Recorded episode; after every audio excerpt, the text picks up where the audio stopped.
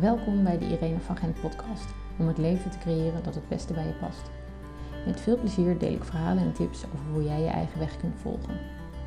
Mijn naam is Irene van Gent en ik ben schrijver van de boeken Geluk en Acht Koppen Thee en Volg je eigen weg. Meer blogs en verhalen vind je op mijn site irenevangent.com. Luister vooral ook even naar de introductiepodcast, zodat je ontdekt hoe jij je eigen weg kunt volgen en wat dit voor voordelen heeft voor je eigen leven en het leven van de mensen om je heen. Vandaag ga ik in gesprek met Josje Veller. Josje ontmoette ik zo'n tien jaar geleden in de Berghut, waar ik op dat moment werkte als kok. In de jaren die volgden deed ik verschillende trainingen bij Josje en hielp ze mij om veel meer helderheid te krijgen over de rol die ik in dit leven heb. Onlangs is ze gestart met het prachtige platform Vellerlicht, waarmee ze kosteloze events organiseert voor iedereen die zijn bewustzijn wil vergroten. We hebben een prachtig gesprek over de gesprekken die je voert met jezelf en wat er voor nodig is om echt een verschil te kunnen maken in je eigen leven. Tijdens dit gesprek ontdek ik een blokkade in mezelf, waar ik na het gesprek met Josje verder aan werk. Wat dat in beweging heeft gebracht, vertel ik in een andere podcast. Josje, wat uh, leuk dat je er bent. Dankjewel dat je jouw verhaal wilt vertellen in uh, de Volg je eigen weg eh, podcast. Um, en um, ja, de eerste vraag is natuurlijk van hoe volg jij je eigen weg? Ja, nou dankjewel voor de uitnodiging. En um, ik zie het eigenlijk meer als uh, een gesprek van de zoveel die we, die we er hebben. Dus uh, alleen maar hartstikke gezellig. Um, ja, e-, eerst even denken hoor. Wat is je eigen weg volgen? Um, ik denk dat jij daarmee ook bedoelt dat je heel erg doet wat voor jou de bedoeling is. En dan maak ik wel onderscheid in, in het ego. Dus het, het, idee van wat andere mensen vinden, wat je zou moeten doen of wat de maatschappij zegt dat handig is. Um, nou ja, er nog allerlei versies van. En um, ja, wat eigenlijk in je hart zit of wat God door jou heen wil laten ontstaan. En uh, mijn doel is altijd wel om uh, in die laatste categorie te vallen. Ook omdat ik merk, als ik dat niet doe, dan word ik daar heel ongelukkig van. Ik denk dat we allemaal wel zoiets hebben dat als je niet doet waarvoor je hier bent, dan krijg je altijd te tekenen. Of van je lichaam, of in relaties, of in financieel opzicht, dat het dan niet stroomt. Um, dus ja, hoe doe ik dat? Um, nou, sowieso door te weten dat ik uh, niet anders kan. Ik deed laatst een hele mooie oefening met iemand en zij zei: Ga nou eens terug naar het moment waarop jij um, het meest krachtig was. Waarop je echt keuzes hebt gemaakt, beslissingen hebt gemaakt. En ga eens terug naar dat moment. En wat heb je er nou voor nodig om uh, haar in ieder moment steeds mee te nemen? En dat vond ik zo gaaf. Ik weet heel goed wanneer zo'n moment voor mij was. Dat was bijvoorbeeld, um, weet, uh, het bedrijf en de website gehad Vrouw en Passie. En daar hadden we, en dat ken jij ook, um, een, een, netwerk bij. En dat noemden we de passieversnellers. En dat was fantastisch. Weet je, er waren echt hele fijne mensen. Uh, alles liep, alles stroomde. Uh, ook financieel was dat goed voor mij. Maar ik voelde echt, dit moet stoppen. En in het begin is dat dan zo'n stemmetje wat tegen je praat. Dat je denkt, ja, hm, nou, misschien is dit wel de bedoeling, maar. En dan heb je nog honderd redenen waarom je dat dan niet doet. En, um, en dat blijft dan terugkomen. En op een gegeven moment voel je, ja, weet je, ik heb hier gewoon naar te luisteren. En uh, toen ben ik er ook mee gestopt. En ook, weet je, je krijgt dan natuurlijk ook feedback van waarom doe je dat? En zo zonde en zo jammer. En daar dan toch aan vast blijven houden en zien wat erachter ontstaat. Um, ja, dat is voor mij heel erg je eigen weg voelen, volgen. Ook als je het niet helemaal begrijpt. Of als je het niet, um, ja, niet weet waarom je iets nu doet dat um, zo'n beetje. Ja. en, en voor jou, want hoe zou jij hem omschrijven? Jij kan hem waarschijnlijk iets korter en makkelijker omschrijven dan ik. Nou ja, ik weet niet of, ik dat, uh, of het korter moet, maar um, uh, ja, voor mij is het inderdaad echt doen wat, wat goed voelt voor jou. Omdat ik echt wel geloof dat als, het, uh, als je volgt wat goed voelt voor jou, dat je daardoor een leuker mens bent voor jezelf, maar ook vooral voor ja. de mensen om je heen. En voor de wereld in het algemeen. Want het, het, het, ik denk dat de uitdaging voor ons is, is dat we willen allemaal duurzamer en liefdevoller en uh, meer vrede ervaren, zeg maar. Um, uh, maar je kunt alleen maar duurzamer zijn als je weet wat het echt is. Ja. Um, uh, en daar kom je alleen maar achter door bijvoorbeeld helemaal terug te vallen op, op, op het niks. Of. Door even gewoon helemaal, of helemaal geen geld te hebben, of geen eigen huis te hebben, of even helemaal dan pas kun je zien welke keuzes kan je nou echt maken om duurzamer te leven. Want als je maar in de red race blijft doorracen uh, en in de auto in de file naar je werk gaat, bij wijze van spreken, dan zul je die antwoorden niet zo snel vinden. Um, ja.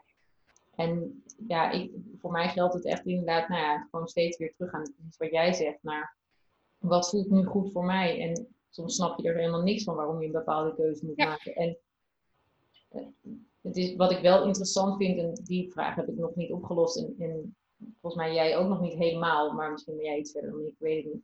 Dus dat, je zei net van ja, dan, dan um, als je dat doet, dan stroomt alles. En als je het niet doet, dan stroomt het niet. En eh, ik heb het gevoel dat ik op dit moment enorm bezig ben met dingen te doen die bij mij passen.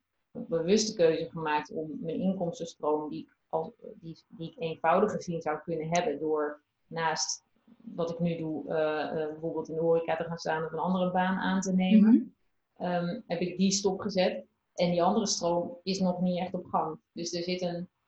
Ik heb het gevoel dat ik op de juiste weg ben. En toch stroomt nog niet alles met me mee. En dat vind ik nog een interessante. Uh... Ja, die vind ik ook. Uh, nou, tenminste, daar, daar ben ik nu zelf heel erg mee bezig. Van, van wat is dat nou? Hè? Als, je, als je het gevoel hebt dat je heel erg. Uh, dat wat je doet, dat dat klopt. Uh, en voor mij zit dat allemaal in het gesprek wat je met jezelf hebt. Dus hey, je hebt natuurlijk van jongs af aan, we, we, kopiëren eigenlijk dat wat onze ouders tegen ons zeggen en wat de omgeving tegen ons zegt. En ik heb laatst een hele mooie oefening gedaan, uh, blijf er even oefeningen gooien, maar gewoon omdat ze zo fijn en zo inzichtelijk zijn. Maar het was van Louise Hey en dat ging erover um, dat je in een half uur op moest schrijven wat je ouders, school, de leraren, uh, mensen om je heen vroeger van jou vonden. Wat voor oordelen ze over je hadden. En toen dacht ik in eerste instantie, nou weet je, dat viel allemaal wel mee, weet je. Maar goed, de oefening was natuurlijk een half uur en ik heb dat boek al vaker gelezen en die oefening nooit gedaan. Dus nu dacht ik, nou doe het nou maar eens een keer wel. En, um, en toen begon ik te schrijven en te schrijven en toen kwam ik tot zulke uh, weet je, dat, dat gewoon maar opschrijven wat er in je opkomt, dat is al heel waardevol. Want op een gegeven moment kom je wel tot, tot de juiste antwoorden. En wat mijn thema uh, altijd heel erg is geweest, en natuurlijk nog steeds wel is, is dat um, mijn vader was echt ondernemer. Die was heel succesvol en ik was een soort van zijn alles. En hij vond mij ook slim en goed als ik maar echt heel hard werkte. En mijn en zijn oordeel over mij was dat ik altijd heel hard moest werken, maar ook dat ik een soort van compliment of gezien worden, dat ik dat echt moest verdienen. En ik weet nog zo goed die tijd, zeker toen ik een tiener was, dat ik echt ja, gewoon dag en nacht hard aan het werk was. In de hoop dat hij dan één keer in de drie, vier maanden zou zeggen: Jeetje, meid, dit heb jij echt goed gedaan.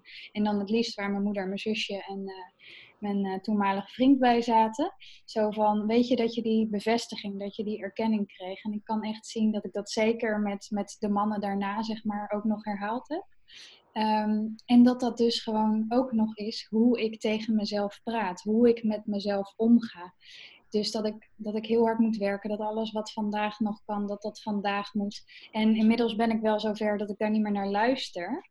Maar ik handel nog wel zo in mezelf. Dus ik kan dan s'avonds nog wel het gevoel hebben van, um, ja, weet je, dit, dit was het niet echt. Of je had het toch beter aan moeten pakken. Of um, ja, je doet dingen niet goed genoeg. Dus ik ben nu heel erg bewust van, wat zeg ik eigenlijk tegen mezelf? Hoe ga ik met, me, met mezelf om? Ondersteun ik mezelf? En nu ik daar meer met mensen over praat, merk ik echt dat dat eigenlijk iedereen gewoon voor 99% negatief naar zichzelf is. En, en dat zie je ook. Hè. Je kan ook heel goed als mensen, als je met mensen praat, weet je ook door welke woorden ze gebruiken, door wat ze zeggen, hoe ze met zichzelf omgaan. Je die uh, pakken? Ja, ja, ja. Nee, ik zie jou, uh, die mensen niet, maar ik zie jou even nadenken.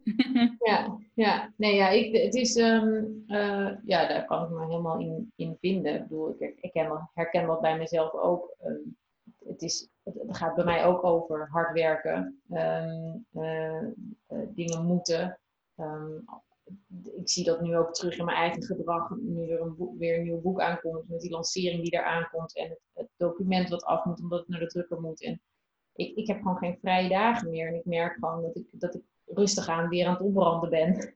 Om uh, uh, straks op de boekpresentatie weer uh, helemaal tot het gaatje te zijn gegaan. Uh, ja, maar dan is het dus zo interessant van wat helpt nou echt? Hè? En er luisteren ongetwijfeld ook heel veel mensen die al heel veel aan ontwikkeling hebben gedaan en uh, sessies en weet ik veel wat allemaal. Maar, maar wat is nou de kern van dat dingen nog steeds terugkomen? En volgens mij is dat omdat we hè, in principe wel dingen in de buitenwereld willen veranderen, maar maar hoe kan je nou in een staat komen dat je echt hele toffe en lieve dingen tegen jezelf zegt? Dat je wakker wordt en dat je dankbaarheid voelt en dat je zegt, ook jeetje, Hirsje, wat heb je dat goed gedaan? Of wat is het heerlijk om bij jou te zijn? Of um, je mag volledig vertrouwen op ieder gevoel. Of ik heb zoals nu dan al een tijdje iedere dag gewoon een intentie. En uh, dat is ook interessant, want dat deel ik ook met anderen. Maar het is ook interessant van, is die intentie dan... Vanmorgen zei iemand van, mijn intentie is om... Uh, uh, nu echt te gaan staan en uh, ja, meer te delen met anderen of zo. En toen dacht ik, ja, dat is heel interessant, maar dan, dan ben je nog steeds met buiten jezelf bezig. Dus wat kan nou, hè, vandaag sta ik echt in de ontvangststand. Of vandaag laat ik mezelf helemaal overstromen. Weet je, dat, dat is iets waarmee je jezelf helpt. Maar als je alsnog zegt, zo, vandaag ga ik eens even dat boek afmaken. Um, dat helpt niet. Want dan zit je alsnog de hele dag in, uh, oh, het is nu al tien uur en ik heb nog steeds niks op papier. Zie je wel, kan het weer niet, het lukt weer niet, bla bla bla bla bla. En echt waar, weet je, ga dat eens monitoren bij jezelf. Iedereen doet dat. Ja. En heb jij, want, want, want jij bent daar heel bewust mee bezig op dit moment. Heb je al een sleutel gevonden waarbij je s ochtends wakker kunt worden en, en het gevoel hebben van yes, ik mag er helemaal zijn, ik ben helemaal tof vandaag en ik voel me tof. Want ik heb ja, nou ja, ik word natuurlijk sorry, ik, ik word natuurlijk nooit altijd zo wakker, wel steeds meer. Mhm. Ehm, ehm, maar ik denk dat iedereen, weet je, gaat pas met jezelf aan de slag of je bent pas uh, bereid om hier iets in te doen op het moment uh, dat de shit erg genoeg is. Ik werd in mijn relatie heel erg geraakt door verlatingsangst. Mijn vader is uh, overleden toen ik 19 was.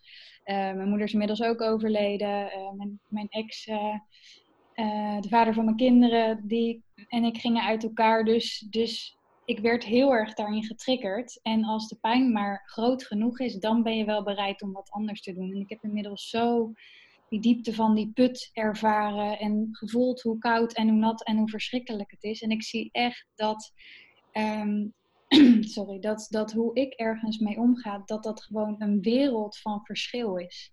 Dus ik zie nu steeds meer dat als ik uh, niet mezelf in de spiegel aankijk, als ik niet lief voor mezelf ben, dat ik, um, ja, dat ik gewoon een klote dag heb. Dus dat wetende probeer ik, en dat, dat, was, dat ervaarde ik laatst in een, um, ik was laatst uh, bij een heel mooi groot paard en zij liet mij echt zien dat ik um, op het moment dat ik ik, was, ik was haar aan het knuffelen en het was een hele fijne diepe verbinding. En op een gegeven moment ging ik maar echt zo'n groot paard. En, en ik voelde opeens een soort van angst. En ik was dus in verbinding met haar en ik merkte dat, zoals ik altijd doe, wat, ik, wat ook echt mijn thema is, is dat ik dan een soort van uitverbinding ga. Hè? Dan voel ik iets en dan is dat te veel en dan ja, dwaal je met je gedachten af. Of dan ben je niet helemaal in ieder moment aanwezig. En zij liet dat zien door met die grote hoeven in één keer heel erg naar me toe te gaan maaien. Dus ik schrok enorm. Ik heb dat sowieso sinds ik moeder ben, dat je iets bewuster bent van uh, wat er mis kan gaan, zeg maar. Mhm. en, uh, en dat was echt voor mij zo'n moment dat ik dacht, uh, oh ja, dit doe ik dus blijkbaar. Weet je, dat ik dus in ieder moment in verbinding wil zijn, maar ondertussen daar ook steeds van wegga. En dat merk ik met mijn kinderen, dat merk ik in mijn relatie, dat merk ik overal. Dus voor mij zit de sleutel heel erg in Um, uh, nou ja, sowieso dus waarnemen, weten dat dit gebeurt en dat dit eigenlijk gewoon de training is waar wij nu allemaal mee bezig zijn. Hè? Dat we met onszelf het fijner mogen gaan hebben. Dus het gesprek hoe we onszelf ondersteunen. En voor mij is de sleutel heel de tijd uitreiken. Dus op het moment dat, um, dat ik gedoe in mezelf voel, dat ik geraakt word, dat ik denk, shit, ik kan er helemaal niet bij blijven dan heb ik zoveel fijne mensen om me heen waar ik ook echt tegen kan zeggen: hey, dit gebeurt er nu. Dus niet van wat ben ik nou weer een verschrikkelijk mens, bla bla bla. Maar uh, nou, wij hadden vorige week ook zo'n gesprek. Weet je, dan jij belde mij over iets. Um, iets van een evenement en dan, uh, dan hou ik me ook niet in. Dus dan zeg ik ook bij jou meteen wat ik voel of wat er in me opkomt als ik jou hoor praten. Uh, jij zegt dan iets, nou ja, ook over jezelf, maar dan, ja, weet je, gewoon dat delen. En dan is de ander ook zo een spiegel en die kan ook gewoon ja, weet je, ja, dat delen gaat het voor mij heel erg om. En, en dat uitreiken, dus juist bereid zijn om die ander ook als spiegel te zien. Dus het is niet zo dat als ik dan iemand een berichtje stuur, dat ik dan van diegene verwacht, ja, nu moet jij van alles aan mij terug gaan geven. Maar meer, ehm, eh, ja, nou, dit gebeurt er in mij, of hoe is het met jou? Of uh, we hadden bijvoorbeeld laatst met een evenement, dat hadden we gepland. En ehm, uh, dat kwam niet op gang, zeg maar. En, en ik doe juist heel graag alleen de dingen die echt stromen, die echt kloppen. En dan is het dus de. de dan, dan mag je dus voor mij, wat mij betreft, het lef hebben. Om dus te kijken naar. Nee, wat gebeurt hier nu? Terwijl normaal gesproken, en dat is ongetwijfeld ook met jouw boek, gaan we juist um, bezig met shit, dat boek moet nu door, of dat evenement moet nu echt online, of um, duwen, pushen, boos op jezelf zijn dat het nog steeds niet er is. Dus toen sprak ik degene bij wie uh, het evenement gehouden zou worden. En ik zei, ja, het stroomt niet helemaal. Wil jij dit wel echt? Klopt het voor jou? En toen zei ze, nou, als ik heel eerlijk ben, dan eigenlijk niet. Hoppa. En toen hadden we meteen te pakken. En er zat geen oordeel over, er zat geen op, geen gedoe op. Dat was gewoon hoe het was. Nou, dan kan je ook denken, nou, wat fijn, weet je. Dat, dat was dus ergens al voelbaar dan gaan we het gewoon anders doen. En dan stroomt het weer. Dus dat is misschien met jouw boek ook op het moment dat je denkt, oh, weet je, ik heb geen tijd en het lukt allemaal niet. Um, gooi het eens tegen iemand aan. Of um, uh, dat is ook een mooie deel is wat je echt werkelijk vindt, wat je voelt. Ik had het vorige week met, uh, ik had een nieuw idee voor een, um, voor een programma. En uh, nou ja, ik, ik had ook gewoon weer eh, de omzet nodig, zeg maar. Dus ik dacht, nou weet je, dan ga ik dit doen en dan commit ik me daaraan. En ja, vind ik wel leuk. En, en als ik heel eerlijk was, en dat durfde ik op een gegeven moment tegen iemand te zeggen, waren dat niet die mensen met wie ik wilde werken, was dat eigenlijk niet waar ik nu mijn aandacht op wilde focussen. Maar ja, ik vond, het was een paar keer ter sprake gekomen of ik dat dan misschien kon doen. En mensen reageerden ook enthousiast. En dat uitspreken, gewoon zeggen, ja, ik wil helemaal niet met deze mensen werken. Ik wil helemaal niet dit doen. Ik wil dat doen.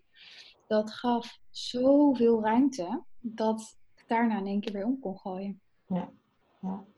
ja dat is mooi. Want het, als je inderdaad die mensen om je heen hebt om dat echt in alle eerlijkheid mee te delen, dan, um, dat, dan kan er ook veel, veel meer openheid ontstaan. Want ik, ik, ik herken je um, de worsteling, zeg maar. Want ik merk ook dat er bij mij iets speelt wat ik, waar ik een oordeel over heb naar mezelf toe of naar de buitenwereld toe. Nou, weet je, er zit ergens er zit nog een oordeel.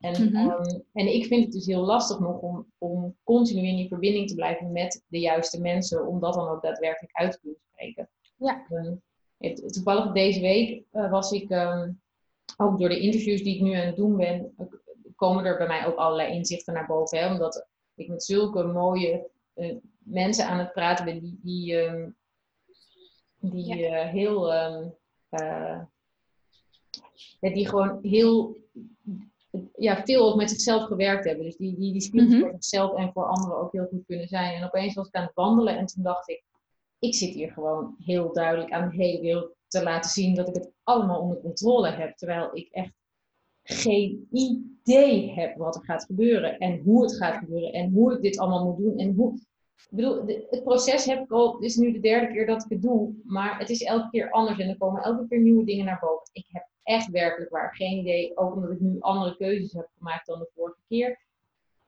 En ik zit maar een beetje te doen alsof ik het, alsof ik het allemaal onder controle heb. En dan krijg ik allemaal van die reacties van mensen, oh, je bent zo goed bezig. Ik denk, ja, ik ben heel goed bezig. Ik kan mezelf weer een schouderklopje geven. Maar wat het met mij doet, is dat ik stress aan het creëren ben door alles wat ik verzin. Um, en gewoon geen idee heb.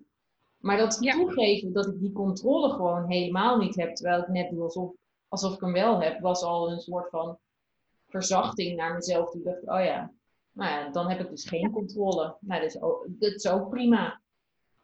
Nou ja, en er zitten twee interessante dingen in, vind ik. Sowieso is dus, je houdt iets naar de buitenwereld uh, groot. Hè? Wat ik nu net zeg van, uh, ik wil helemaal niet met deze mensen werken. Op het moment dat ik dat zei, komt er ook helemaal op dat ik denk, oh shit, straks luisteren mensen dit of zo en voelen zich aangesproken. Maar ehm, eh, dus je houdt iets groot, terwijl je dus ziet dat daaronder heb je een gesprek met jezelf. Dat je zegt, ook oh, ik ben aan het groot houden, niemand ziet hoe ik echt ben. Uh, je kan het ook weer niet of je moet nu iets bewijzen. Dat is het werkelijke gesprek wat je hebt. En daarnaast, waar we mee begonnen, als er een weg van het ego is, van wat anderen van je verwachten en die goddelijke weg.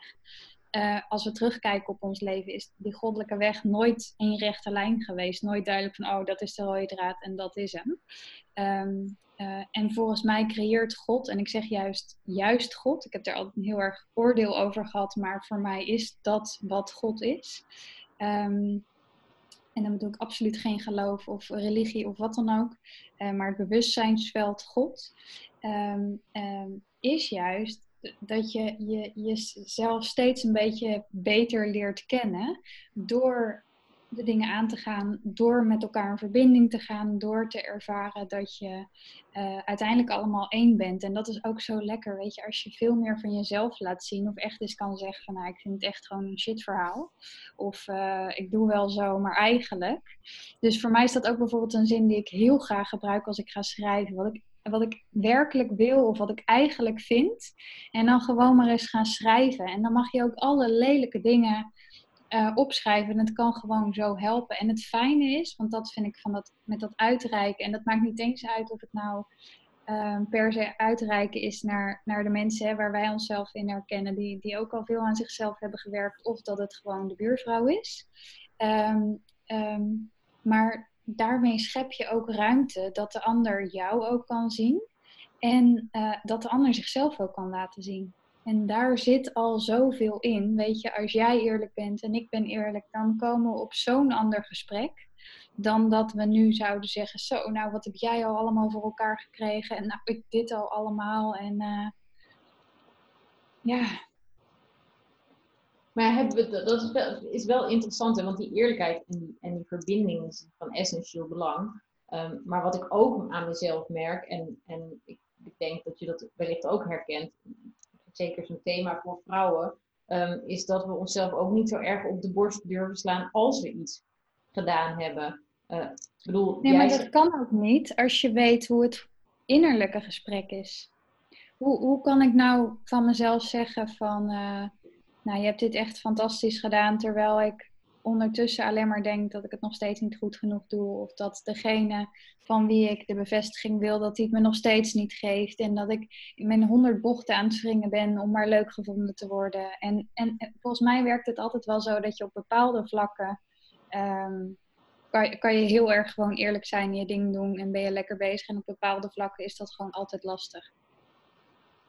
Ja, maar dan hebben we dus, dus in eerste instantie te werken aan dat, aan dat onderliggende gesprek met onszelf. Want ik kan mezelf wel. Op, ik bedoel, jij schrijft op jouw website over mij dat ik drie boeken heb geschreven. Ik denk, ja, en ik, ja, dat klinkt dan heel mooi. En ik denk, ja, maar dit en dit en dit is inderdaad nog niet goed. Dus dat, dat, dat is precies. Ja, maar dat is het toffe, denk ik, van wat ik uh, van het, het, platform, zeg maar, verder ligt, wat ik nu dan neer heb gezet, is waar ik heel erg in geloof, is dat. Um, Kijk, ik ken jou en ik mocht het voorwoord voor volgens mij het tweede uh, boek schrijven. En het eerste boek, uh, kookboek, staat nog steeds bij mij uh, in de keuken en komt er nog regelmatig uit. En wat ik in jou zie en wat ik waardeer is dat jij gewoon bereid bent om alle zekerheid continu op te geven en gewoon je hart te volgen. En daarin het soms ook heel zwaar te hebben.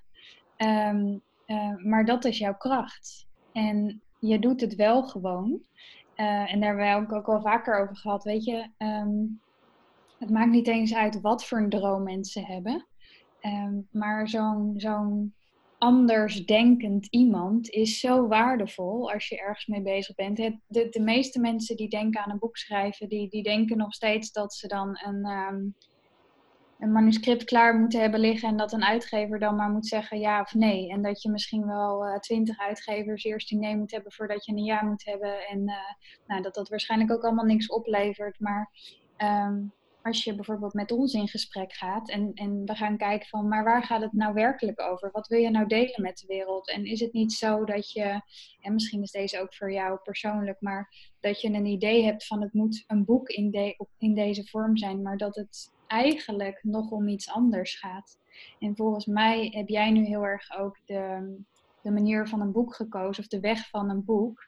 Terwijl wat je werkelijk wil is die hele diepe verbinding met mensen aangaan. En daar eigenlijk alles naar boven halen. ja, mensen zien jou niet lachen, dus. Uh... ik zal het harder lachen. Ja, nee, het is natuurlijk heel, heel mooi wat je zegt. Want um, uh, ik geniet ook echt van het schrijfproces en van het, van het, het, het feit dat er een product komt. Um, uh, en, het, ik, maar, en ik heb het ook nodig om. Ik, dit keer heb ik het echt nodig gehad om te komen waar ik nu ben. En dus, jij benoemt het, die diepe verbinding. Um, en ik merk inderdaad dat er wel door, ook door het schrijven van dit boek en het hele proces wat ik ben aangegaan, door inderdaad weer alle zekerheden los te laten. Uh, en nu echt, want wat ik heel vaak in het verleden deed, was toch nog ergens een beetje de zekerheid, maar weer opzoeken als het heel spannend mm -hmm. werd. En dat doe ik nu niet, dus ik ga nu door alle lagen van mezelf heen die, uh, uh, die er te onderzoeken waren nog. Um, voor dit moment, want over een jaar zullen er vast weer nieuwe laagjes uh, gaan ontstaan. Ongetwijfeld. Um, dus het boek was wel nodig om iets, om iets te ontdekken over mezelf en over mijn diepste verlangen. Um, ja. En, en en daar komt dus ook uit voort dat ik nu dus inderdaad meer in verbinding ga met mensen door deze gesprekken ook op te nemen. En mm-hmm. als ik zie wat daar dan uit naar voren komt, dan denk ik echt, dit is, dit is gewoon, dit was de weg die ik moest bewandelen om te komen waar ik, um, uh, waar ik echt wil zijn. Ja. Nou, en het mooie is dat um, um, toen ik bijvoorbeeld Veller Licht net opzette, toen, uh, dat idee was er echt al een half jaar. En um, maar op een of andere manier kwam het niet helemaal tot stand. En daar vond ik van alles van. Want ja, het mocht er nu toch zijn en iedereen was ook zo enthousiast. Dus waarom deed ik het dan niet? Dus dat is weer dat innerlijk gesprek. En toen gebeurden er een paar dingen, gesprekken die ik had of veranderingen. En dan kan je achteraf altijd zien, oh ja, maar dit had echt moeten gebeuren. Dit had plaats moeten vinden voordat ik deze stap kon zetten. Dus als we daar veel meer op vertrouwen en dus ook een soort van op afstemmen van, nou, weet je, alles wat ik nodig heb, uh, wordt aan me getoond. Uh, wat zie ik nog over het hoofd? Uh, en, en wat ik bijvoorbeeld zelf nu heel erg ervaar, ik las laatst een quote in een boek, um, die ik niet precies kan herhalen, maar het, het kwam erop neer dat je, um, dat je voordat een nieuwe cyclus kan starten, moet eerst de vorige afgerond zijn. En dat betekent dus ook, waar we het in het begin al over hadden, keuzes maken.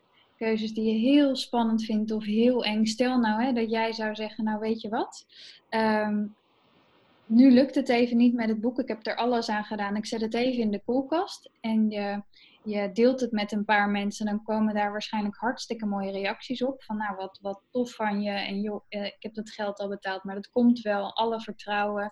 Heb je misschien iets nodig? Uh, zullen we even sparren of wat dan ook? En, en uh, daar komen dan weer de wijze lessen uit. Of de dingen die je dus nodig hebt om dat boek misschien wel um, af te maken. En volgens mij zit het daar ook heel erg in dat, dat durven we maar dat soort keuzes een beetje wat meer te maken. In plaats van dat we meteen hele scenario's in, een, in ons hoofd hebben. Weet je, dat is natuurlijk allemaal angst. En, en volgens mij is angst gewoon hetgene wat continu liefde nodig heeft. Dus dat merk ik ook heel erg in dat gesprek met mezelf. Ik was vanmiddag met de kinderen. En um, uh, we zijn heel gek op elkaar. We vinden het heerlijk om lekker te kleuren en te tekenen en naar buiten met de hond. En, uh, maar ik merk ook dat ik dan, weet je, heel erg voor hun heel de tijd bezig ben en aan denken. En uh, dacht ik, ja, dat, dat is ook een soort van angst. Hè? Dat, dat als ik dat niet doe, of als ik niet heel de tijd beschikbaar ben, of dat ik als ik niet hun kamers opruim of de was doe of wat dan ook, dat ze dan dat ze me dan niet lief vinden. Want die gaat erom natuurlijk. Hè. Wat, wat ben ik wel niet voor een slechte, lelijke moeder op het moment dat ik zeg: joh, help even met de was en leg het in je eigen kamer. Want ja, dat moet ik toch wel minimaal voor ze kunnen doen. um, en toen kon ik ook heel erg voelen: oh ja, maar dit is dus inderdaad wat er gebeurt. En hoe kan ik. Wat, wat is nou goed voor mij? Hoe kan ik mezelf daar nou in ondersteunen? En dan kon ik echt wel voelen, nou, weet je, als ik hier gewoon helemaal aanwezig ben en helemaal ben, wat, wat het paard me ook spiegelt, dat is het allergrootste wat ik ze maar kan geven. En um, dus, dus daar zit de sleutel in plaats van dat ik dan nog maar meer moet doen of nog meer leuke dingen moet doen of weet ik veel wat. En zowel als hoe anderen mij kunnen spiegelen, kunnen je kinderen je natuurlijk ook spiegelen. Dat uh, mijn jongste dochter die vertoont af en toe van dat heerlijke koninginnegedrag. Uh, weet je, dan, dan wil ze iets niet en dan staat ze te schreeuwen en al dat soort dingen. En, en voorheen raakte ik daar gestrest van. Dat ik dacht, ja weet je, en nu is het gewoon klaar. Ik heb je de hele dag alles gegeven en nu is het echt klaar. Nu ben ik echt, en dan voelde ik ook boosheid in mezelf. Maar nu kan ik echt zien dat het enige wat ik doe is mijn eigen innerlijke kind afkraken die verschrompelt helemaal. Weet je, dat is dat meisje waar ik dan eigenlijk, die ik afwijs. Of, want als ik gewoon met haar kan zitten, en ik kreeg laatst weer een mooie oefening om gewoon met een kussen te gaan zitten als je innerlijk kind. En gewoon een half uur lang daarmee te zitten. Nou, daar heb je natuurlijk allerlei oordelen over. Vind je stom of daar heb je geen tijd voor. Of dan zit je daar en denk je, nou gebeurt niks.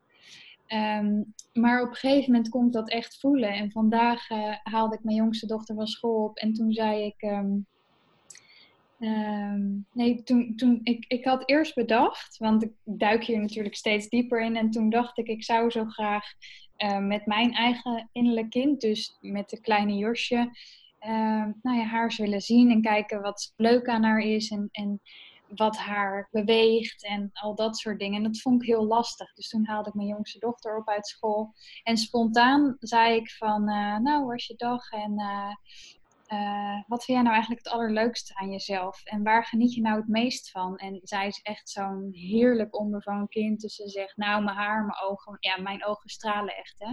En je weet, hè, man, wat het allermooiste is aan mijn ogen. En toen zei ja, dat weet ik. Je wimpers, hè. Ja, precies. Ja, en ze heeft hele mooie lange wimpers. Maar daar is ze zich zo bewust van.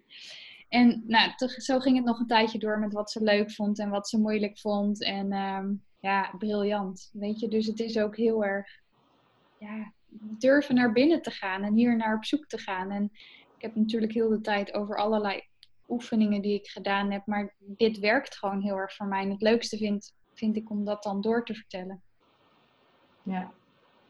En wat ik heel leuk vind, is dat je, dat je die oefeningen deelt. En ik was namelijk zelf de afgelopen dagen Um, en dat zei, had ik het net ook al even, uh, zei ik dat tegen je voordat we het gesprek opnamen.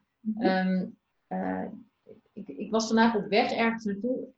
Um, en ik, moet, ik was aan het nadenken over hoeveel opleidingen je zou kunnen doen. Hè? Zo van, nou, wat heb ik nu nodig? Ik, ik dacht, oh, ik moet weer iets gaan leren, want het stroomt niet allemaal. Of ik moet iets beter doen, of ik moet, ik moet nog meer kennis hebben, of wat dan ook. Zeg maar. En jij zegt, nou, ik doe allerlei oefeningen. Um, we hadden het er net wel even over dat jij geen opleiding hebt gedaan. En um, ik ben de laatste tien jaar dat ik met mijn persoonlijke ontwikkeling ben, heb ik ook geen echte opleiding meer gedaan. Um, behalve mijn yoga-docentenopleiding. Daarna ben ik het eigenlijk allemaal zelf gaan doen. en eigenlijk vind ik dat wel prima. omdat ik daardoor ook uh, echt mijn eigen weg daarin ook kan bewandelen. Dus er is niemand die zegt van die, die een bepaald spiritueel uh, spirituele richting aan me geeft, want um, ik kan het zelf bepalen. Maar hoe kijk jij daarnaar? Want jij zegt, ik doe, doe allerlei oefeningen, dus zoek je die dan ook zelf op? Komen ze bij je langs op het moment dat je ergens mee bezig bent? Ik bedoel, want dat gebeurt natuurlijk ook op een gegeven moment. Als je ergens op richt, dan komt er wel weer iets waarvan je denkt, oh, dat heb ik nu nodig. Zo kreeg ik deze week ja een uitnodiging voor een... Nou ja, maar daarin word je ook gewoon geleid als je... Uh, want ik heb inderdaad ooit in de ver geleden directiesecretaresseopleiding gedaan, omdat ik toen leerplichtig was. En daarna merkte ik wel, weet je, volgens mij als het klopt, als je dan, zoals jij zegt, uh, je eigen weg volgt, dan... Um, uh, dan ben je anderen aan het helpen met hetgene waar je, je jezelf mee helpt. Hè? Dus door mezelf met bepaalde dingen te helpen, stroom ik over en daarmee kan ik anderen helpen. Dus dan klopt die voor mij heel erg. Ik had nu ook directiesecretaresse kunnen zijn en dan, weet je, ik kan prima organiseren, maar dan klopt die zeg maar niet helemaal. Dus hoe dat dan op mijn pad komt, is dat er altijd pijn en gedoe getriggerd wordt. Hè? Want dan ben je pas bereid om ergens naar te kijken. In dit geval was bij mij een stukje verlatingsangst. En die zat echt diep, daar had ik echt last van. En um, um, toen, ja, toen stuurde dus uh, uh, iemand anders stuurde mij een boek over, dat heet Liefdesbang. Dat gaat heel erg over verbindings, uh, angst en verlatingsangst, bindingsangst en verlatingsangst. Uh, en toen, nou, dat, dat viel één op één op zijn plek. Toen had ik dat uit en toen dacht ik, um, jeetje, nou, het was eigenlijk zo theoretisch dat ik dacht, Ehm, heel leuk dat ik nu weet wat er allemaal mis met mij is en wat ik doe en hoeveel angst ik wel niet heb en dat ik een hechtingsprobleem heb en weet ik veel wat allemaal. Ehm, maar dit voelt zo hard en zo zwaar. Dus dan, dan voel je even, of dan kijk ik even mijn boekenkast. Nou, toen kwam ik weer op het boek van Louise Hey, Je kunt je leven helen, wat altijd al een uh, bijbel wat dat betreft voor mij is geweest. En van daaruit ging ik een oefening doen. En van daaruit merkte ik dus echt dat als je uitreikt naar mensen, als je dus de verbinding echt aangaat. Hè? Dus jij kon mij vorige week bellen en dan gewoon een vraag stellen en had ik er antwoord op gegeven en dan was het klaar. Of we verbinden ons echt met elkaar en dan zeg je niet alleen hey hoe is het, maar echt ehm, ja, wat, uh, waar ben je mee bezig, weet je? En dan ga je iets vertellen en dan, uh, dan, dan kan je ook echt voelen van oh vertel eens, wat, wat is dat dan? Of uh, nou is dat wel waar wat je zegt? Of uh, maar hoe is dat dan dat je dit zo en zo ervaart? En dan kom je eigenlijk wat we nu aan het doen zijn, gewoon in een fijn gesprek. En hoe meer je dan ook alles van jezelf laat zien en ook, ja, je geeft daarmee elkaar gewoon een soort van veilige ruimte. Uh, en het is puur alleen interesse voor mij. Dus het is alleen maar dat ik denk, joh, nou wat interessant, je zegt dit, maar eigenlijk voel ik dat. Is dat dan iets van mij of gebeurt dat bij jou? Of... En dan is de ander blij? Ben jij blij? En dat is volgens mij ook heel erg wat, bedoelt, uh, wat de bedoeling is voor werk. Dat je, um, dat je echt uitziet naar ieder gesprek. Of ja, weet je, als ik een sessie met iemand doe, dan haal ik daar net zoveel uit als de ander. En dan klopt die voor mij. En, en, want dan sta je, ja, ik ben bars van hiërarchie, maar dan sta je niet boven de ander. Of ben jij niet de klant of de coach of wat dan ook. Maar dan, dan kies je ervoor om op dat moment in verbinding te zijn. En dat is voor mij en voor veel meer mensen, veel meer pioniers, zeg maar, een hele mooie dat, um, weet je, dat geld en kracht en liefde gewoon dezelfde energie is. Maar wij zijn ook heel vaak bezig. Ik las dat laatst van de mensen die juist totaal niet met geld bezig zijn. Of tenminste die alles gratis willen of willen krijgen of wat dan ook. Uh, die zijn juist heel erg met geld bezig, omdat alles niet mag, zeg maar. Dus in de energie klopt dat niet. En, en um, als je geld moeilijk kan ontvangen, kan je liefde ook weer moeilijk ontvangen. Ik weet niet of je die uh, kunt pakken, maar ja, daar heb je ook gewoon zulke mooie. Ja, dat. dat zoveel te leren. Ja, nee, maar dat gaat echt over. Ik denk dat dat in essentie gaat over überhaupt kunnen ontvangen. Um, want als je um, niet open staat om te ontvangen, dan kan er ook niks stromen. Want um, je kunt niet alleen maar eruit blijven en alleen maar blijven geven. Er moet ook Zeker. wel in beweging blijven. Dus, dus um, uh, wat het ook is wat je al dan niet kunt ontvangen, ja, dat moet, er moet wel een stroming op gang blijven. Uh, en ik denk dat daarom ook veel mensen die heel veel geld hebben, uh, het ook makkelijker kunnen weggeven, omdat ze ook in een soort van energie zitten, dat ze weten dat het wel weer komt. Ja, nou ja, eigenlijk is die geldstroom en die liefdestroom is gewoon net als ademhalen. Dat je inademt, het gebruikt en vervolgens ook weer uitademt. Weet je, we gaan niet denken, oh shit, ik moet het nu vasthouden. Of ik kan geen schone lucht inademen. Of uh, of wat dan ook. Maar hoe bewuster je daarvan wordt en dus ook kijkt van, maar welke overtuigingen heb ik dan op geld? En ik was voorheen ook zo iemand die bij alles dacht, ik hou heel erg van de kringloop en daar word ik echt blij van. Uh, maar ergens in mij zit ook een diepe zat, hoop ik, ook een diepe overtuiging dat, um, ja, toen ik er echt mee bezig ging, kwam ik erachter dat mijn allerdiepste overtuiging is dat geld de bron is van alle afgescheidenheid. Dat het verschrikkelijk is en dat het gedoe is. En uh, ik kan al heel lang, uh, ben al heel lang kostwinnaar, nu alleenstaand moeder, zeg maar. En ik kan al heel lang gewoon voor mezelf zorgen. Maar, die, maar uh, ik heb nooit 30.000 euro extra op mijn rekening. En dan kan je zeggen, ja, maar dat is ook niet per se een verlangen. Nee, dat is zo. Maar als ik van de zomer op vakantie wil, dan moet ik wel weer iets gaan doen om dat te creëren, zeg maar. Dus dat wordt dan natuurlijk weer bevestigd dat ik hard moet werken of slim moet zijn om dat voor elkaar te krijgen. Um, dus, dus dat is gewoon een interessant gegeven. En hoe meer je daarnaar gaat kijken. En um, het boek is heel interessant, het boek van Overvloed. Dat gaat er dan over dat als je weet, als je, als je weet wat je werkelijk van geld vindt, en ik vond dan geld dan afschuwelijk en ehm, de bron van alle afgescheidenheid, dan uh, moet je daar waar het woord geld staat, moet je liefde neerzetten. Dus ik vind liefde de bron van alle afgescheidenheid en ik vind liefde afschuwelijk. En die raakte wel even dat ik dacht, shit, ja, dat, die klopt eigenlijk niet. Maar als dat dezelfde energie is, ja, weet je, waarom doe ik dan zo moeilijk om geld? En dat is weer dat innerlijk gesprek, omdat ik het ja, mezelf niet waard vind of bang ben dat als ik iets neem dat de ander dan iets niet heeft. Of uh, ik vind het toch ook wel een hele mooie eigenschap dat ik ook zo goed voor anderen kan zorgen. Of dat ik niet um, ja, dat ik kan delen en zo. Maar oh, er is, het is zo interessant hoe dat gesprek met jezelf is. En dat, daar kom je alleen maar achter. Weet je, daar kom je niet achter door de hele dag alleen op je kamer te zitten. En ehm, ook al lees je de mooiste boeken, weet ik veel wat. Maar daar kom je echt achter door uit te reiken, door in verbinding te gaan, door te horen wat een ander zegt of aan jou teruggeeft. Ja. Het is wel mooi dat je dat zegt, want opeens komt er bij mij iets binnen wat, um, wat ik toch maar even ga delen. Want mm -hmm. één kwam er een klik over geld. Um, want jij zei iets over de kringloop en over um, uh, dat je daarvan geniet. En, en, ik moet heel eerlijk zeggen, ik, bij mij komt alles bij de kringloop vandaan ongeveer. Of bij vrienden vandaan. Of, weet je, dit.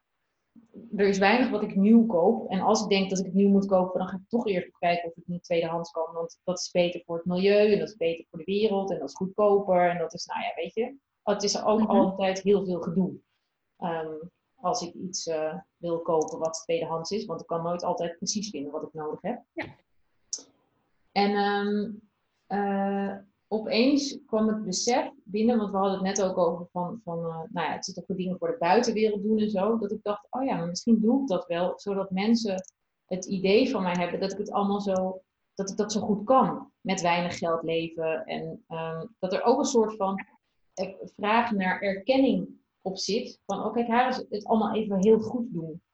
Ja. Ehm, en dan komen we weer terug op dat stukje controle hebben of houden. Uh, ja, weet je, dat, daar zit toch nog een soort van uh, dwangmatig iets in van dat in stand houden.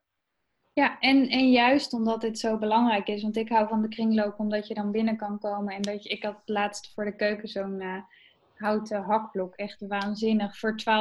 Dat ik dacht, gewoon echt een grote. Dat ik dacht, nou, weet je. Of, of een lampje die echt helemaal briljant is, maar dan voor 5 euro. Dat vind ik echt fantastisch. Maar ik heb er dus altijd heel veel moeite mee gehad. Alleen als ik een goed boek zag, om dat aan mezelf te geven. Hmm. En ik ging alleen maar sessies doen op het moment dat ik dacht, ja, nu zit ik zo in de shit. Nu kan ik het mezelf verklaren dat ik het nu echt nodig heb. Dan kan ik het nog wel ergens vandaan uh, halen. Terwijl, dan zie je ook dat die stroom van inademen, gebruiken en weer uitademen niet in balans is. Want ergens wil je het wel graag inademen, kan je het nauwelijks gebruiken alleen voor wat er echt nodig is. En uitademen vind je helemaal spannend, want je kan helemaal niet vertrouwen op dat de volgende inademing weer komt. Ja. Ja. En dat is ook zo tof als je, als je, het is natuurlijk een heel flauw voorbeeld, maar als je dit wat breder ziet, dat ons lichaam zelf al kan inademen, gebruiken en uitademen zonder dat we daarover na hoeven denken, zonder dat we dat proces hoeven te verstoren, zonder dat er iets anders moet. Ehm, ja, dan zie je dus gewoon dat, dat alles wat we geleerd hebben in het leven ons eigenlijk zo ver weg heeft gebracht van onszelf. Van, van de natuurlijke gang van zaken. Ja, ja, ja.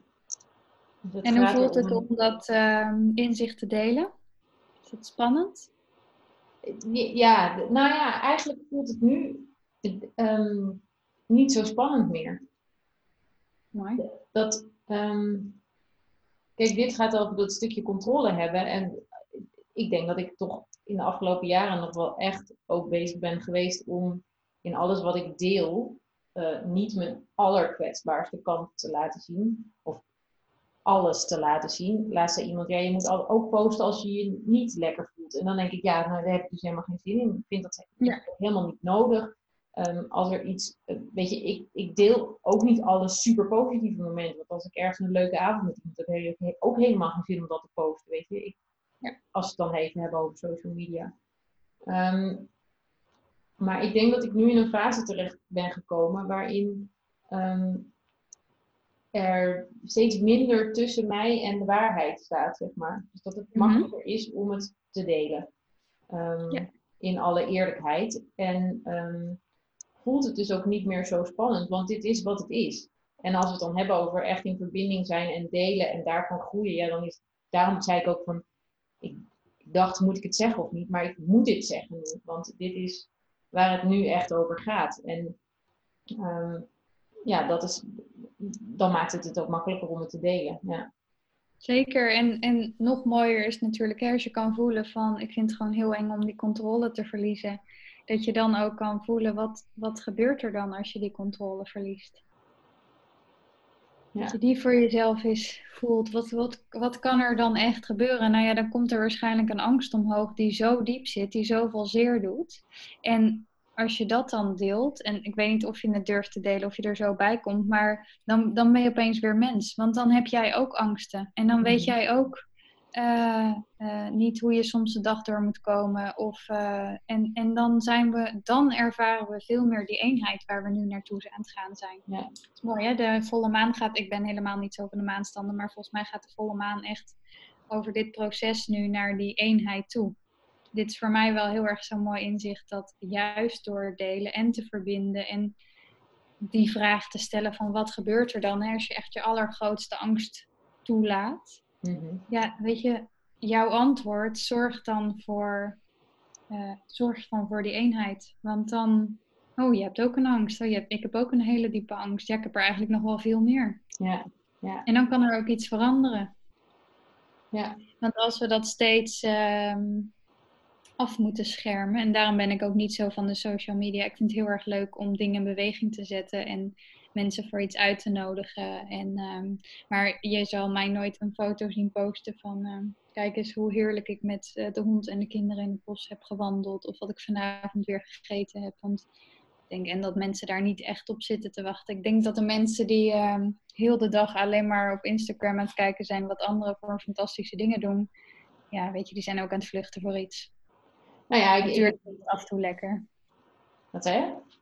Nou, natuurlijk is dat af en toe lekker. Ik bedoel het niet als oordeel, maar het zegt ook wat over, over mensen als je sowieso als je die buitenkant van jezelf heel de tijd wil delen, maar ook als mensen dat, weet je, als je dat verhaal met, ehm, wat was het, Bridget en André dan leest, die uit elkaar gaan of weer bij elkaar zijn of weet ik veel wat, en dan hoe mensen daarop reageren, of eh Mark Borsato en eh Leontien, weet je wel dat je denkt, waar zijn jullie nou de hele dag mee bezig? En wie denk jij nou dat je bent om zoiets neer te eh, mogen zetten? Maar dat is ook gewoon, weet je, dat gebeurt nu. En dat kunnen we, daar kunnen we nu op afgeven. Maar dit zegt voor mij alles. Net als het coronavirus. Weet je, hoeveel mensen zijn wel niet bang? Waar ben je nou werkelijk bang voor? En ja, laten we nou eens over het mooie van dit virus hebben. Dat we allemaal zo bewust worden van al die angsten die er in ons leven en dat we daar iets mee kunnen doen. Dat het nu ook wel moet, want bij wijze van spreken aan scheiden aan dood. En het is even flauw en hard gezegd hoor. Ik bedoel, eh, als je er echt bang voor bent of uh, het komt in je omgeving, dan uh, is dit veel te makkelijk om te zeggen. Maar het opent andere deuren. Zoiets. Ja, nou ja, kijk, ik, ik, als we het hebben over het coronavirus, want ik, ik had ook nog wel wat ideeën bij, bij die andere dingen die je benoemde, maar, maar dat, ja, er wordt een angst gezaaid die er eigenlijk niet hoeft te zijn. En daar we worden bang gemaakt door iets, als je het procentueel bekijkt, is het natuurlijk peanuts in Nederland hoeveel mensen er nu uh, besmet zijn. En, en de vraag is of die besmetting dan wel zo snel doorgaat en of je er ook niet alleen maar, weet je, ziek, je wordt er misschien ziek van, maar is maar een klein gedeelte mensen dat er ook daadwerkelijk aan overlijdt. Dus waar, waar zijn we ons, weet je, waar laten we ons nou bang voor maken? Maar ik denk dat het, um, uh, dat, dat hoe bewuster je bent, hoe makkelijker het is om te zien dat we bang gemaakt worden. Um, maar dat er dus, als je niet weet wat een angst is, zeg maar, mm -hmm. dan word je dus bang van iets wat er eigenlijk niet is, maar je weet ook niet goed wat je ermee moet. Nee, maar dat is ook, dat heb je helemaal gelijk in, maar dat is ook wat er met jou en mijn angsten gebeurt. Want voor ons zijn ze levensbedreigend en heel zwaar en slepen we ze al tientallen jaren mee. Ehm, terwijl het enige wat angst is, is gewoon een, een herinnering aan een bepaald moment. Of dat nou in je jeugd is of vorige week of in een vorig leven. Of zelfs van je grootouders. Of zelfs nog op andere plekken in het universum. Ehm, eh, wat liefde nodig heeft, wat heling nodig heeft. Dat is de weg waar we mee bezig zijn. Dus dat geldt net zo goed voor ieder ander. Maar ik snap, ik snap wel wat je zegt hoor. Dat je, dat je dus niet weet waar je, aan, waar je dan moet zoeken, zeg maar. Ja, want, want ik bedoel, zelfs bij mezelf vind ik het soms nog moeilijk om, om daadwerkelijk die angst dan, van wat is hem dan, die angst? Wat zit er dan mhm. onder? Waar komt die vandaan? En wat heeft hij nodig? Dat vind ik bij mezelf ook nog lastig. Want ik kan nu wel zien, oh ja, ik stap in een angst. Maar wat dan? Weet je wel? En ik bedoel, ik ben niet meer bang voor iets wat buiten mij ligt, zoals, zoals een virus of uh, de angst dat de wereld vergaat of dat ik ooit doodga. Weet je, dat zijn dingen die erbij horen. Dat zijn dingen die, mhm. ja, die ontstaan. Maar mijn eigen angsten vind ik dan nog wel weer een ander dingetje. Um, want ga, ga, er maar eens echt naar, naar kijken. Zo, wat, wat is dan die echte angst? Hè? Weet je, jij moet ook diep gaan om te ontdekken dat, dat, dat het te maken had met verlatings- of bindingsangst. En um, bij mij zit het heel erg in. nou ja, ik, ik kan nog niet eens benoemen wat de, wat de grootste angst is. Ik bedoel, dit gesprek nodigt me wel uit om er nu echt naar te gaan kijken. En eerlijk te zijn van: oké, weet je, wat speelt er nu eigenlijk echt? En um, uh, uh, waar, waar, ben ik nou echt bang voor? En wat heb ik nu dus aan te kijken? Nou ja, en het mooie is dat als dit een soort van um, lifestyle wordt, dus dat niet dat je de hele dag met je angst bezig moet zijn, maar dat je gewoon eerlijk bent in wat je voelt of wat je vindt, of um, dat je gewoon, ja, nou ja, door dat gesprek in jezelf te veranderen, dat je dat, het helpt alleen al zo als je niet denkt, shit, ik moet vandaag wel dit, dat en dat doen. En je moet even doorwerken. En uh, dat je jezelf helemaal gek laat maken. Maar dat je bijvoorbeeld echt inderdaad even met een kopje thee gaat zitten. En echt denkt, hé, hey, hoe is het nu met mij? Of dat je gewoon dat gesprek met jezelf aangaat. En dat je uh, met mensen deelt. Of dat je inderdaad meer sessies gaat doen. Weet je, we, we hebben de, we hebben al genoeg uh, zakenmensen en mensen die zogenaamd de wereld redden. Maar we hebben zoveel mensen nu die kunnen luisteren, die kunnen delen, die kunnen uh, helpen vanuit hun eigen stuk. Hè? Of dat nou um, ayahuasca is, of een therapeut, of uh, familieopstellingen, of wat dan ook. En volgens mij zijn we daar nu ook heel erg de shift in aan het maken. En, en dragen wij daar ook allemaal in bij door uh, nou ja, dit bijvoorbeeld open te doen. Hè? We kunnen dit gesprek ook met z'n tweetjes hebben, maar jij kiest ervoor om dat met anderen te delen. Um, en daar heb ik dus ook mee ingestemd. dus klinkt het net alsof je dat uh, buiten mij om hebt gedaan. Um, en wat we bijvoorbeeld met Verder Licht doen, is dus gratis of kosteloze evenementen organiseren om die verbinding tot stand te brengen. Weet je, ik, ik heb gewoon leuke, leuke meiden om me heen die um, tegen dingen aanlopen in zichzelf en die niet het netwerk hebben wat ik heb of niet weten hoe wat ik dan bijvoorbeeld wel eens gedaan heb, een, een ceremoniële paddotrip, die, die alleen maar denken, wat? Drugs? Nee, jij bent echt gek. En, en die gewoon ja, daar helemaal niet inkomen totdat je ze echt uitnodigt en zegt, joh, kom eens, weet je, het evenement is kosteloos of kom het eens ervaren of uh, via via komt dit gesprek wat wij hebben weer bij iemand terecht. Mhm. En ik denk dat daar heel erg nu de uitnodiging ook voor is om, om elkaar ook uit te nodigen, om elkaar ook te zien. Om ook te zeggen, hé, hey, maar Irene, wat is nou werkelijk die angst? Of uh, ik ga binnenkort naar een evenement, zou je het leuk vinden om mee te gaan? Of um, ik weet dat je hier helemaal niet voor open staat, bij wijze van spreken, maar uh, ik heb wel eens een keer zo'n ceremoniële paddotrip gedaan, wat ik eraan gehad heb, en dat je dat dan vertelt. Mm Ik geloof gewoon heel erg dat dat eigenlijk, uh, ja, dat dat ook nodig is, dat we dat doen. Ja. Dus veel meer delen van. Wat zeg je? Nee, ik zit te denken, volgens mij zit jij nog half met, met je aandacht bij de, bij de vraag van angst en wat leeft er in. Nee, nee, nee, nee hoor. je okay, was een beetje op de achtergrond, zo hangt hij dan ja. een beetje zo uh,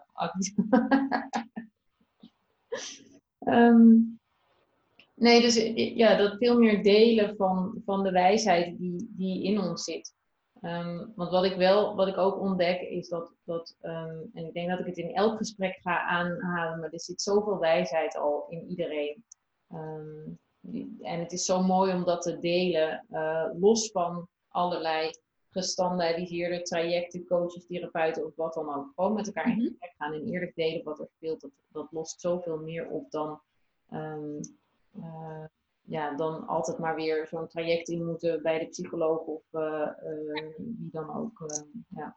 Nou, en wat er in me opkomt is dat wijsheid in dit geval voor mij gelijk staat aan liefde. Er zit zoveel liefde in iedereen, wat we nu ook zo erg tegenhouden. Maar het is zo fijn als je gewoon echt met iemand kan verbinden of gewoon kan luisteren of, um, of iets over jezelf kan delen. Weet je, je hoeft niet met een heel verhaal te komen van zo moet je het doen, maar gewoon uh, ja, die liefde laten stromen. Weet je, dat hoe meer ik merk, hoe meer dat gesprek met mezelf positief wordt, hoe meer je ook naar iemand lacht. Of op het moment dat ik met de hond wandel en iemand loopt heel zaggerijnig langs. Waar, waar ik normaal zou denken, is wel een zaggerijnige vent. Dat ik nu dan wel goedemorgen zeg. En soms zien mensen echt kijken, huh, weet je wat? Nou oké. Of ehm, ja, bijvoorbeeld ook juist als ik met de hond aan het wandelen ben. Omdat ik, ik was normaal nooit zo van dat soort gesprekken op de vroege ochtend. En nu denk ik, nou ik ben eigenlijk wel heel benieuwd wie er dan bij die hond loopt. Of en, en ik denk dat ook heel veel bewuste mensen, of wat ik dan mijn pioniers, um, zichzelf altijd zo anders hebben gevoeld dan anderen. En daarmee plaats je, en dat is natuurlijk ook deels waar, maar daarmee plaats je ook altijd van mensen af. En ik vind het juist nu zo'n heerlijke beweging om me met iedereen te kunnen verbinden. En niet meer te denken van, uh, oh nou ik verbind me liever met die en die, want dan heb ik tenminste echt een diepgaand gesprek. Maar ook eens te kijken van, hé, hey, wat zie ik nou in die ander? Of wat kan ik daarvan leren of zo? Ja, ja. ja dat, dat geeft soms ook hele mooie, bijzondere gesprekken als je je open durft te stellen voor iets wat, ja, wat zomaar ontstaat, waar je niet. Uh, ja. Ja, en ehm, wat ik ook wel eigenlijk al twee jaar doe, is dat mijn bekrachtiging, zeg maar, is. Dus de zin die ik de hele dag door meeneem. Um, ik voel me intens dankbaar en gelukkig en ik verwacht wonderen.